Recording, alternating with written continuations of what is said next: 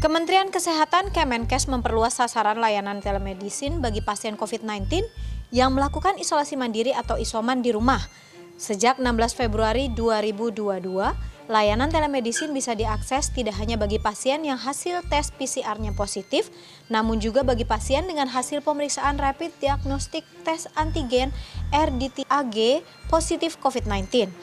Melalui layanan telemedicine ini, pasien yang isoman bisa mendapatkan layanan telekonsultasi dan paket obat gratis dari Kemenkes yang akan diantarkan langsung ke rumah pasien dalam tempo 1 kali 24 jam.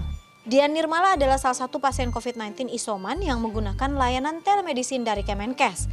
Dian menyebut layanan telemedicine sangat mudah untuk diakses, meski mengakui masih ada sedikit kendala teknis dalam layanan tersebut. Memang uh, kendala mungkin jadinya mungkin di awal aja, uh, di awal dalam arti uh, ada beberapa pasien yang ter, uh, sudah positif, tapi kemudian akses untuk telemedicine itu tidak untuk semuanya. Jadi kayaknya by system ya, by system jadinya ada yang seperti uh, saya, adik dan uh, ayah itu bisa dapat nih, tapi ibu saya nggak uh, dapat vouchernya itu. Jadi katanya vouchernya tidak valid. Nah, voucher nggak valid ini kan berarti berakibat jadinya ya kita nggak ada bisa dapat akses obatnya. Padahal di website Kemenkesnya udah dibilangin uh, bahwa NIK-nya sudah terdaftar sih untuk bisa dapat obat. Nah, uh, karena hal-hal yang seperti itu sih kemudian uh, mungkin jadinya entah jadinya pending lagi gitu kan atau kemudian dari kami mencoba ya deh coba jalur manual dalam arti ya kita menghubungi puskesmas uh, sendiri gitu.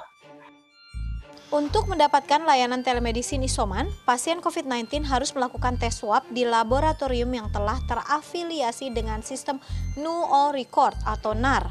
Sistem ini merupakan big data Kementerian Kesehatan RI yang berfungsi untuk mengurangi pemalsuan data terkait hasil vaksinasi dan tes COVID-19.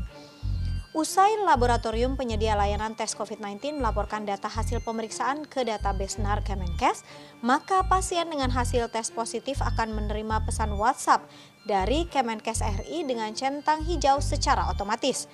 Pasien tinggal menekan link yang ada di pesan WA tersebut, lalu memasukkan kode voucher untuk bisa berkonsultasi dengan tenaga kesehatan dan mendapatkan paket obat gratis. Kementerian Kesehatan menggandeng 17 platform telemedicine, di antaranya Halo Dokter dan Halodoc. Perluasan layanan telemedicine membuat sejumlah platform turut meningkatkan performa mereka, mulai dari penambahan personil hingga waktu layanan. Kalau dari internal kami, tentunya kami menyiapkan ekstra uh, uh, ketersediaan pelayanan. Jadi kami sudah melakukan triple layanan, Mbak yang tadinya kami biasanya menerima hanya 500 per day, sekarang kami membuka keran menjadi 2000 per day. Artinya dengan membuka keran tentunya kami menambah tenaga medis dan menambah jam layanan uh, gratis ini untuk tenaga medisnya tentunya kita tambahkan Mbak. Jadi total layanan kita tambahkan per uh, peningkatan pelayanan ini